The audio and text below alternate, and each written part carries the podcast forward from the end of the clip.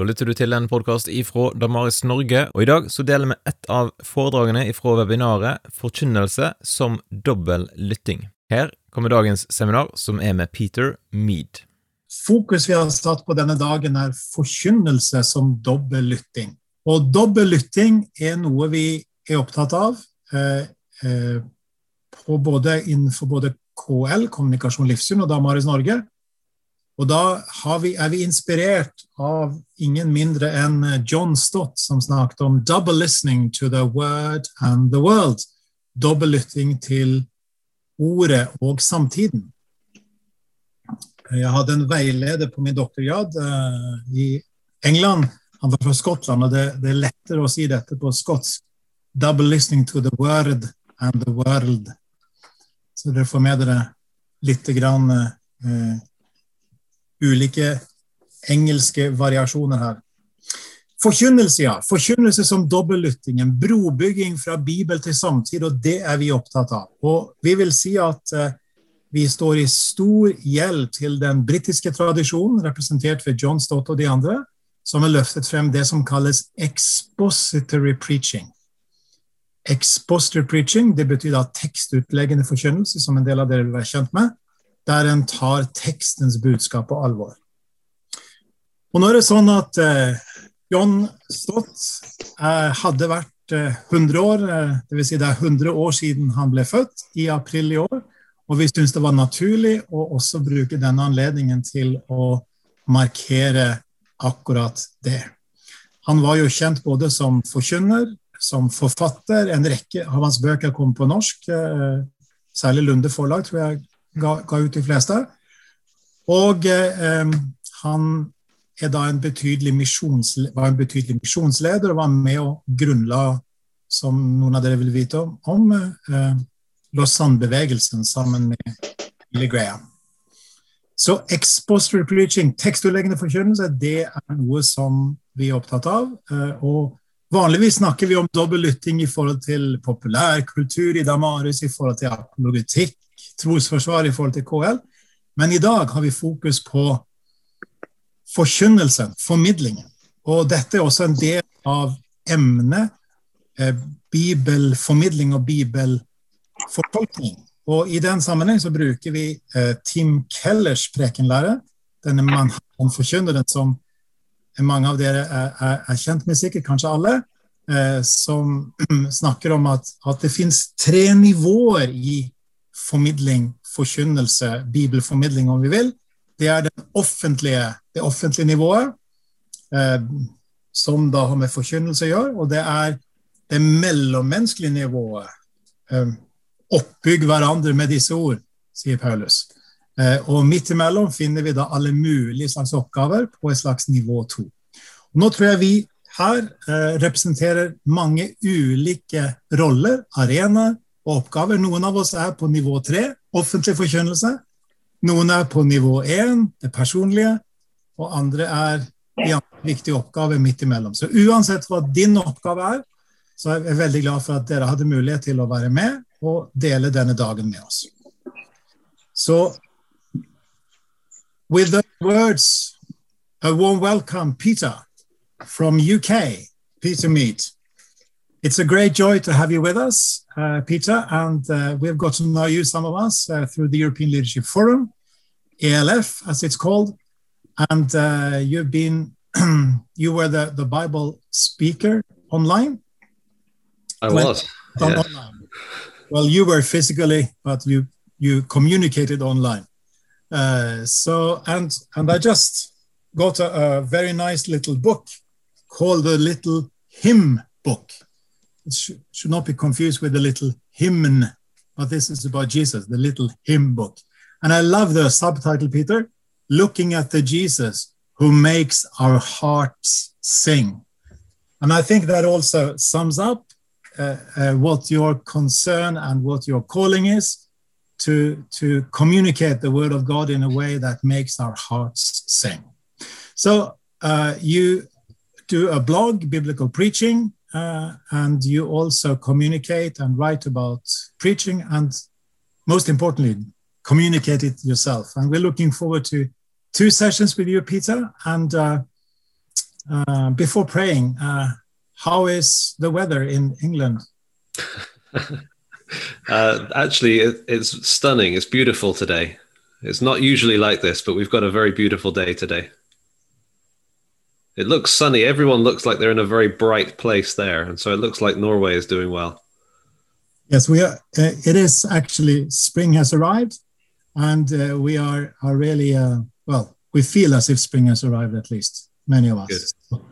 And I think uh, people are mostly spread, as far as I can uh, gather from the names, along the southern coast. I think of Norway. Here there might be some others, but I think many are. So, so Pete, let me just uh, commit this time to the Lord and then give you the word. Thank you. Father, Father we thank you for the privilege of coming together and of, of, of praising you and, and of lifting up your name. And we pray now for this time together that it will be fruitful and inspiring and encouraging for each one of us. You have given us different tasks, different arenas, different callings, but we all want to communicate your word to listen to your word and to communicate it by listening to the world. We thank you for the memory of John Stott. We thank you for the heritage of expository preaching, and we pray for your blessing on our time together. In Jesus' name we pray. Amen. Amen. Thank you so much, Lars. And uh, it's great to be with you.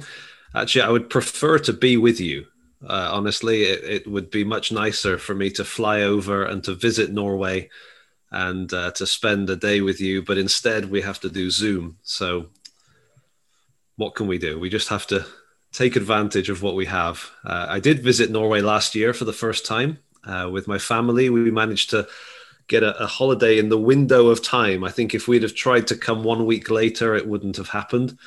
Uh, but we managed to get uh, two weeks in Oslo Fjord and uh, very, very beautiful. We had a wonderful time, and it's good to have this connection with Norway again.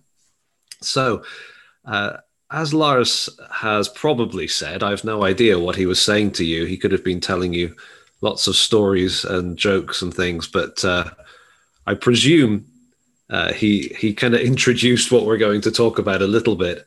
And so what we what we're going to do in this session is, and this is a really compact session, we're going to think about what I've called a four location preaching journey. So, the journey that we take from a Bible passage to preaching, and just wanting us to think about the process, even at a very basic level.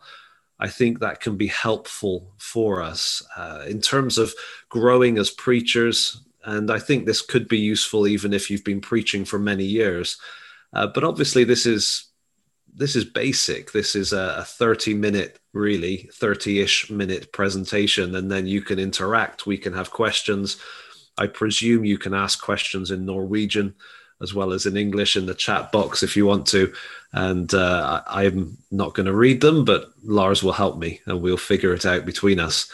But I, I do want us to think about uh, the process and in a way, there's a real advantage to doing this quickly because typically what you would do if you were, say, in a Bible school and you were studying the process of preparing a sermon, it might take 15 weeks to work through the whole process in detail. But sometimes when you're in the detail, you can lose track of some of the kind of the basic things that are so essential. And so by looking at this in a, a simple four step process or a four location journey, I think we can actually communicate some things that will be really helpful for us. Okay, so uh, let's jump in and and go for uh, go for the process here. Location one. Where is the first place you need to go when you are preparing to preach? Well, it's what I'm going to call the study. Okay, now when I say location, I don't mean that you have to actually go to specific locations, although it's not a bad idea. What is the study? In English, we have uh, a word for a room in the house called the study, which these days nobody uses anymore. today everybody talks about the office. I'm going to my office. And uh, in an office, you will have all the things you used to have in a study, but a whole lot more. Okay, so in an office, there will be lots of uh, screens and beeping and you know phones getting your attention. Office is a place where work happens, but study is a place where study happens. Okay, so study is uh, more the traditional kind of pastor's location where it's not an office. It's not about busyness and distraction. It's not about trying to do uh, 50 things with 100 people all at once. It's it's you and your Bible, maybe your study aids, so any commentaries or books that would be helpful, and very, very carefully access to the internet. But be careful because access to the internet turns it into an office, and before you know it, you're busy and you're distracted again. But whatever you need to study, and God, obviously, God is everywhere, but I think there needs to be a sense that in the study, this is a place where you are meeting with God. Okay, you are spending time in the Bible text. John Stott said in uh, his book Between Two Worlds, or uh, I think it's got different titles, but the book that Lars is referring to, he says that expository preaching is where the Bible is boss. So, where the Bible is in charge of everything that you say, everything that you communicate, you've got to understand the Bible first. And so that's the goal. When you're in the study, you're looking at the passage that you're going to preach and you're trying to understand it. You're, you're using all of the skills that you have. Now, if you've been to Bible school and you've studied and you have Greek and Hebrew and you have all the uh, kind of advanced subjects, wonderful, use them.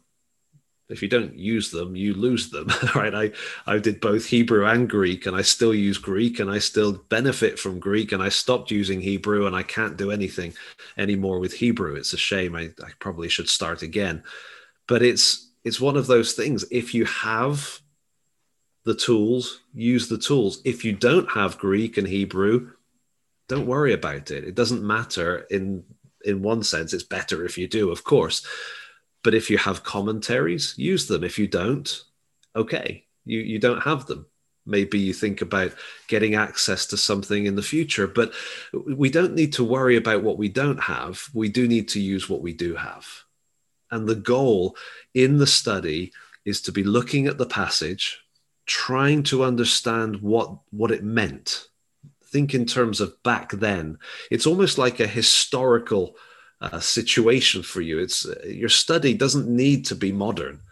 You know, it, you could, if you wanted to, have a little oil lamp or a candle or something with your books, because in a way, you're studying, trying to understand what it meant back then when Paul wrote to Rome or when uh, John wrote his gospel. What was he trying to communicate? Now, notice on that list that I've put on the, the screen, it's you, it's God, Bible, study aids, but there's no reference there to the people that you're preaching to. That's deliberate.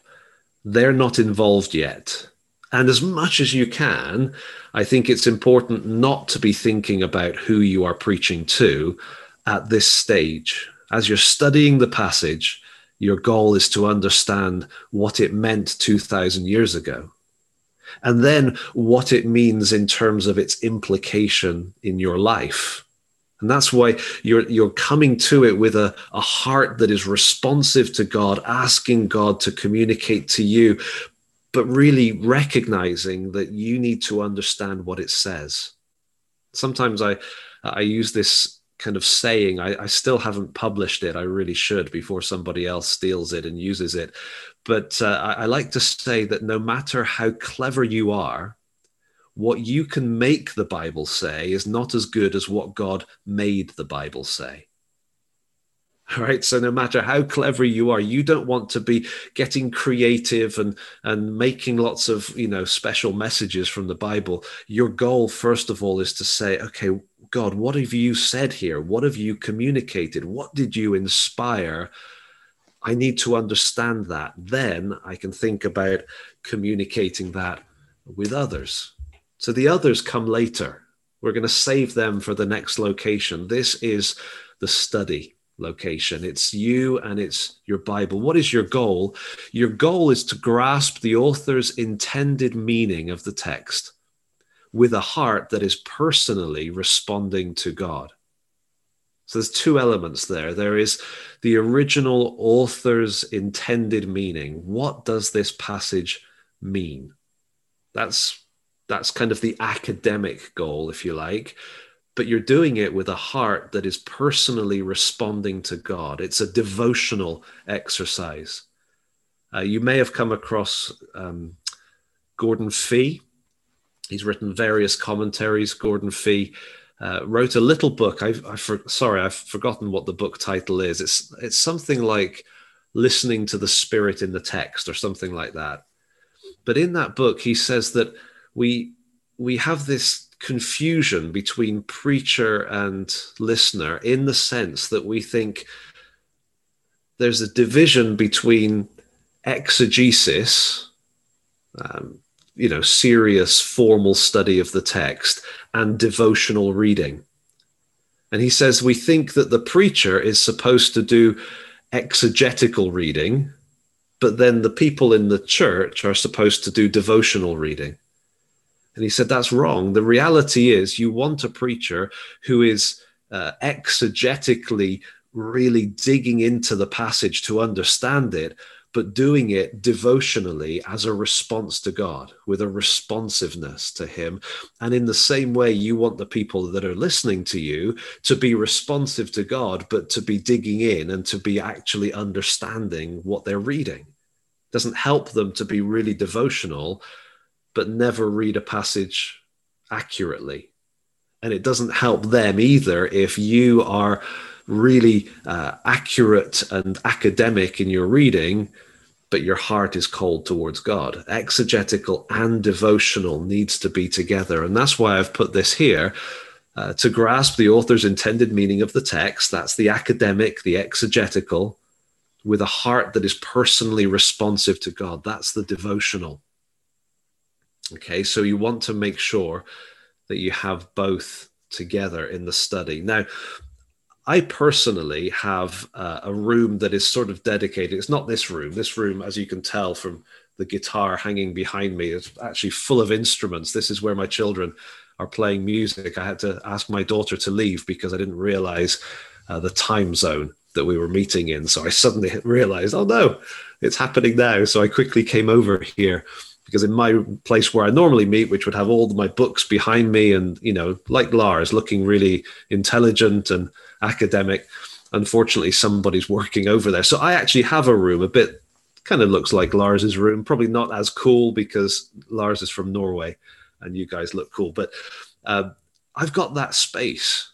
You may not have that space. In fact, years ago in a, a the house we used to live in, my study or my office was in my bedroom complete disaster but it's all all i could do. So i used to take my computer and uh, my bible and maybe a couple of books and put them in the car and just drive into this beautiful wooded area where there was trees and flowers and no phone signal.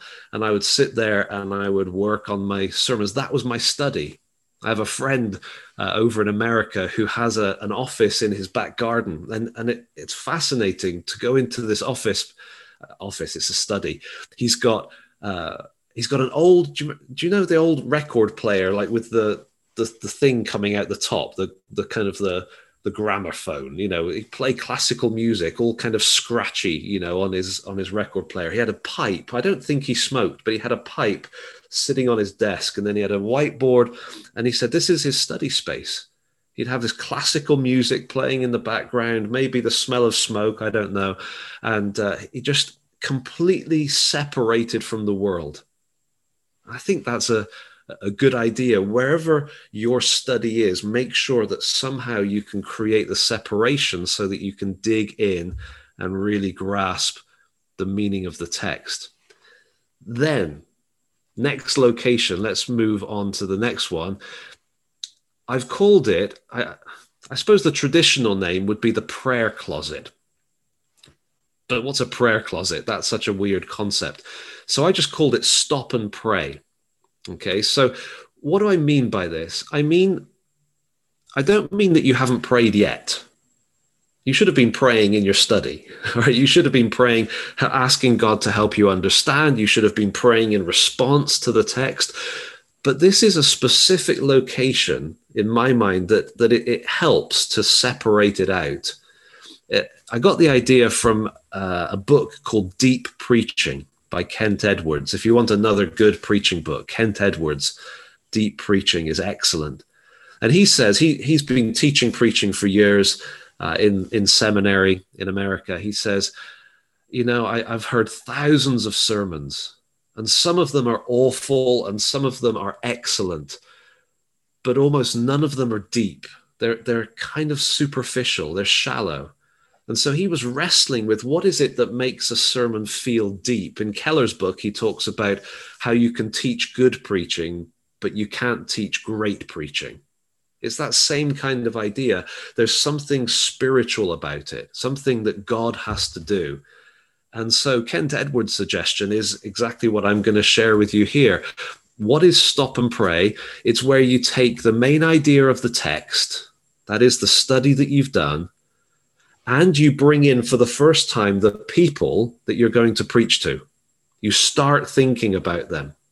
Now, the reality is, when you're in your study, you'll be thinking about people that you're preaching to if you love them. You know, if it's your church, you can't help but think about them. So, when that happens, you stop, you pray, and you say, Lord, I, I'm not I'm not with them yet. I'm still in the study, but I you know just pray that you'd help me to to understand this so that later I can think of how to communicate to them. Or maybe you have an idea of an illustration that will be perfect for the teenagers that you're going to be speaking to. Just make a note, put it aside. You haven't brought the people into your process, but now you do. At Stop and Pray, you bring the fruit of your study and you bring the people before God, these two things that you bring before God. And your goal is to bring both of them, the passage and the people, before God and to pray until you have God's heart for the people. Okay, so it's like you're bringing the two things together and you're saying, God, thank you for my time in the passage. It's been wonderful. I've, I've so benefited.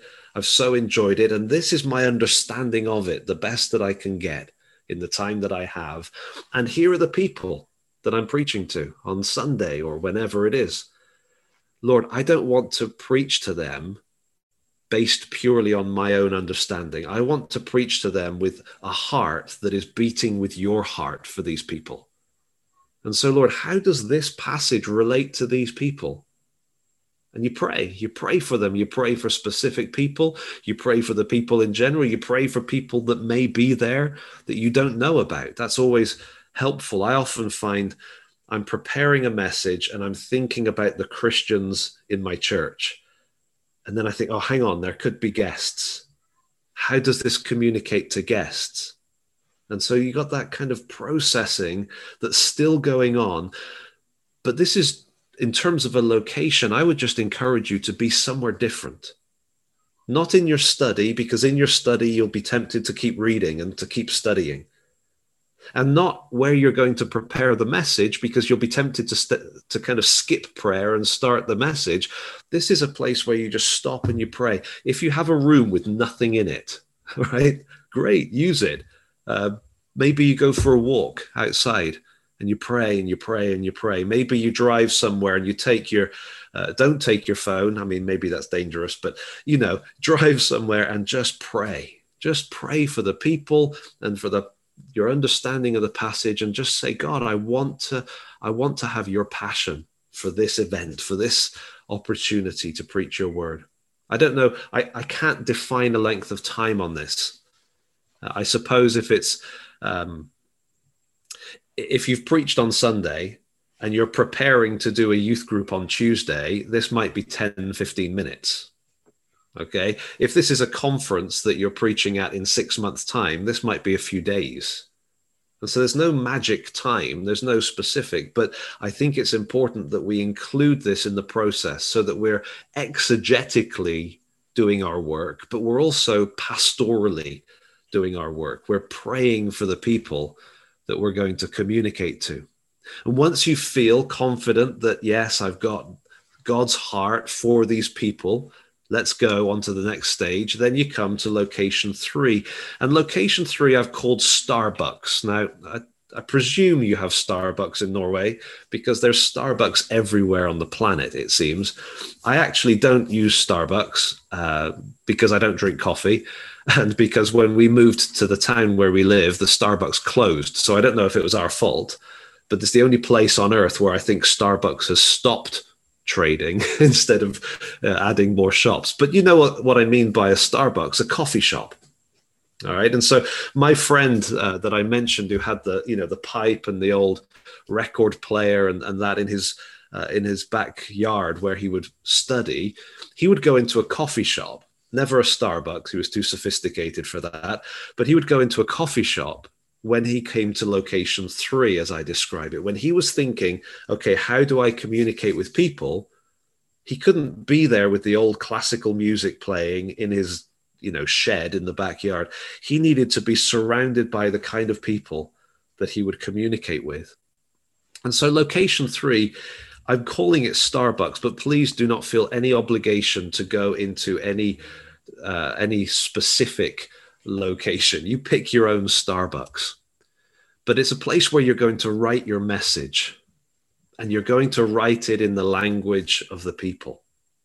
That's the goal here. So, somehow, by being surrounded by people, it doesn't mean that you're in a most distracted place possible. That's why I don't do this, because I would be distracted. I, I prefer to stay in uh, in my own workspace but I still need in my mind to switch from commentaries and from, you know, the language of technical books. I need to switch into how do I communicate in the language of the people who will be there on Sunday. They don't understand some of them, uh, some of the terms in the books I've been reading some of the Greek, some of the grammar, some of the theology. Uh, there's all sorts of language, and there's just a style of writing, right? Us biblical academics can be so dull, can't we, in the way that we write? Precise, perhaps, but kind of dull. And so you want to move away from that and start thinking in terms of the people that you're communicating to. And so, whether you choose to go into a coffee shop and put in your earphones and listen to something so that you're not distracted, but still have a feel for people, or whether you stay at home, another idea is to take some uh, some maybe cards or some you know post-it notes or something like this little sticky notes and write down the names of some people maybe uh, a young mother in your church who's not slept for a year. Put a note you know of her name and maybe a, a, a married couple that are going through a tough time and you know about it. You're not going to say anything about it obviously but you're just conscious of them. Maybe a teenager you know just a, a variety of people. And you lay them out on your desk and, I, and then as you prepare your message you're thinking how do i communicate this with that person and would this person understand it i mean the, the the interrupted nights for a young mother she'll understand what it's like to be tired but how can I get a teenager to understand? Oh no, teenagers are always asleep. Okay, what about an older person? Do they, you know, how can I communicate with different people the concepts that I'm trying to get across? And so your goal in the Starbucks, I'm putting Starbucks in quotes here, is to lovingly shape a message that will effectively communicate God's heart to your listeners' hearts. Very relational in fact, I hope that you see that every location is very relational. Your relationship with God is kind of foundation at the start. And then you're praying uh, with God in the second location for them. And so you're thinking about their connection with God. Now you're figuring out how can you communicate to your people to promote that relationship with God. There's relationships all over preaching Although sadly, the traditional approach we have to preaching is quite non relational, isn't it? We go into an isolation, we do our own thing, and then we preach to people. And it, can be quite quite distant. Actually, the whole thing should be incredibly relationally connected. And so you're writing your message here. If we had time, of course, we could go through all the different stages of the writing process. How you need to start with an understanding of the text. You need to define what you're trying to achieve. You need to think through uh, which strategy. Um, in Haddon Robinson's book, uh, Haddon was my my teacher uh, for preaching uh, primarily. It, he talks about having an arrow and a target. And so, if you think of uh, your main idea like an arrow, you want it to be very sharp and defined. And then you've got a target, what you're trying to achieve as you preach. And so, the, the, the stage that we're talking about here is how do I get this there? You know, if this is the hearts of my listeners, how am I going to deliver this message? A couple of um, yeah standard options I hope you don't mind a violent example. I may offend some of you with this, but uh, it's I'll just be real and be honest with you. Think of boxing, okay, and you know don't think about it too much, but think about boxing. In boxing, there's a couple of ways to achieve the goal of winning the fight. One way is to just jab bang, bang, bang. You know, the front hand just keeps going. And there are some boxers that have become world champions basically by just jabbing. And they just jab through every round. And their opponent gradually gets hurt, starts to get bruised or cut or whatever. And just that repetition achieves the goal. There's a way of preaching a bit like that. It's where you have a main idea, a big idea, and you keep saying it. You say it at the start, you say it in between your points, you make your points reinforce it, and it's quite repetitious, but it can be really effective. Certainly in the epistles, sometimes having the main point clarified and restated multiple times, it's like jabbing. It's not thrilling, but it, it's effective. But then there's the other way of winning a boxing match, which is to kind of move and prepare people for the moment when you land the one punch that is going to finish the fight. And so instead of a jab that hits 300 times over the course of a fight, it's maybe one punch. Mike Tyson was a classic at this. Move, move, move, prepare people, prepare people, let them get tired. And then when their guard opens, bang, you finish it. Now that's a different way of preaching. That's what we call an inductive sermon. It's where you tell people that you're going to, where you're going, but you don't tell them the punchline. All right. You don't tell them the good bit. You build it up, you prepare for it. And then when the moment comes, you land the blow and you finish the fight. Think of Peter in Acts chapter 2. If Peter had stood up in on the day of Pentecost and said to the crowd, We are not drunk, it's only what is it, nine o'clock in the morning. We're not drunk. The reason that we're doing this is because Jesus, whom you crucified, God has made both Lord and Christ. Let me explain. If Peter had said that, they would have killed him, probably.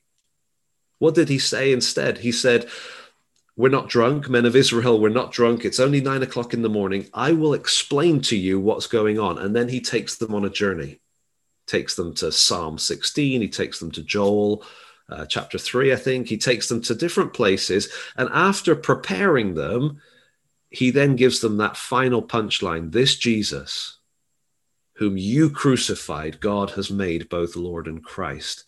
And because they were prepared for it, when he delivered that final line, they responded to it. Obviously, God was at work. It wasn't just good preaching, it was God at work. But, but I think it's a good example of a different approach. You can make your point and you can say it repeatedly and you can allow the text to explain it in many different ways, or you can use the text to work to a big finale where you bring home the, the point of your message, like Peter did on Pentecost. All of that kind of thinking is happening in this location. How am I going to deliver my main idea to the hearts of my listeners? Am I going to say it early and say it many times, or am I going to prepare, keep it kind of hidden, prepare so that I can get close enough and then strike home with the truth of this passage? that's two approaches, but you're thinking all the way through this how can I communicate effectively? If your listeners are antagonistic, you know, they are basically opposed to what you're saying. Let's say you've been invited to speak to a group of science students in a university and you want to talk about God creating everything. You probably don't want to start by saying God created everything right? They will resist that and they won't listen anymore. But instead, you prepare them, you prepare them, and then you lead them to the conclusion that yes, there is clearly evidence of design. And then you can reveal that later on. That's a different congregation, a different audience than if you're preaching to a church where you can say, God tells us we should pray on every occasion we should pray continually. Uh, no problem. Okay, now talk about it. And you can keep saying it. Here's another way we can pray on every occasion. Here's another occasion. Here's another occasion. We can give lots of examples and repeat ourselves because that congregation or that audience is not resistant to what we're saying. So you're thinking about who you're preaching to, how to communicate, what illustrations to use how will you introduce? How will you conclude? How long will you take? All of the planning is happening in location three in the Starbucks. Okay, one more location, and then we can jump to any questions or, or thoughts. The, the fourth location isn't really preparation anymore. It's now the stand and deliver moment. But I've included this because if we're thinking of preaching as a relational thing, then there's relationships happening in every location. This is part of what preaching obviously involves. You could have a wonderful study. Uh, preparation where you've understood the text, you've prayed for the people uh, in, in location two, you've gone to location three, and you've thought about how to preach in the language of the people, and maybe you've written and prepared the best message ever. But if you don't deliver it well, you lose so much of what you've achieved. So standing and delivering, I, I, don't think you have to stand, by the way. Sitting is an option and it's actually more biblical. But I think generally we tend to stand. So we'll go with that. So it's you, it's them, and it's for him. He's there and it's all, uh, you know, pointing them to him. How will you achieve effective communication? Again, if we had a whole semester instead of one session, I would take a session or two to talk about how you present yourself, how you communicate, your voice, your gestures, little things, you know, that can be so helpful. Like, um, for example, one thing that a lot of preachers don't realize is that they have to reverse how things look. Uh, and so if I am thinking for myself, in my mind, that's the past and that's the future. And so I tend to, to go that way. But if I'm doing that in front of a congregation or in front of a, a, group of people, that's backwards. That's the past. God made promises way back that he has fulfilled and will fulfill when Christ returns. Just having to turn things the opposite way can really help your people to understand just little things. You know, and uh, I keep looking the wrong way because I didn't put the, the image here in the right place. But when you're preaching on Zoom, learning to look in the camera and make eye contact consistently, that's a new skill for a lot of us in the last year. All right. Because we're used to preaching in church where you're looking around at different people. You can't do that on a camera. It doesn't doesn't work. And so how can you effectively communicate? How can what's inside come out with enthusiasm, with clarity? All of those things are part of delivering. Your goal is to lovingly communicate God's word to your listeners as effectively as you are able, trusting God to change lives. Okay, so I've put in there as effectively as you are able because it's always tempting to wish we were like somebody else. You know, like my children love listening to Francis Chan. Every time I listen to Francis Chan, I just feel jealous. Like, like not necessarily of the content, but just such a good. I mean, so intense. You know, he's got this kind of real intense, sort of cool. Like whatever Francis Chan does, he looks cool. I can't match that. You know, and so I don't need to. I need to be me. I don't need to be him. In the past, people used to try to be Billy Graham. Not very good. They weren't very good at it. He was very good at it. I mean, Billy Graham was a perfect Billy Graham, but most other people aren't. And so if your personality, if your manner is more loud and fun and extravagant, great, use it. If you're quiet and gentle and you know your enthusiasm is like that, use that. People will connect with you when you're being yourself and being real. Let the real you come through. The challenge, of course, is that when we're in front of people, we just kind of shrink back and we freeze and we become ineffective. But then we go outside and we talk to friends about our grandchildren or about our football team or about Ole Gunnar Solskjaer or, or something important like that. And we get animated and we get excited. And I think it's important that we allow ourselves to communicate as well as we possibly can. So there are the four locations. Four location, really simple preaching journey. I, I've probably already said this, but but notice that study has to come first. You can't do this backwards. You've got to let the text drive the message. If you drive your agenda into the text, you lose the credibility, you lose the integrity, the authority of your preaching. I think stop and pray is something that we don't do enough of. And I would encourage you to incorporate that. And if it requires moving to a different place to do it, then do that.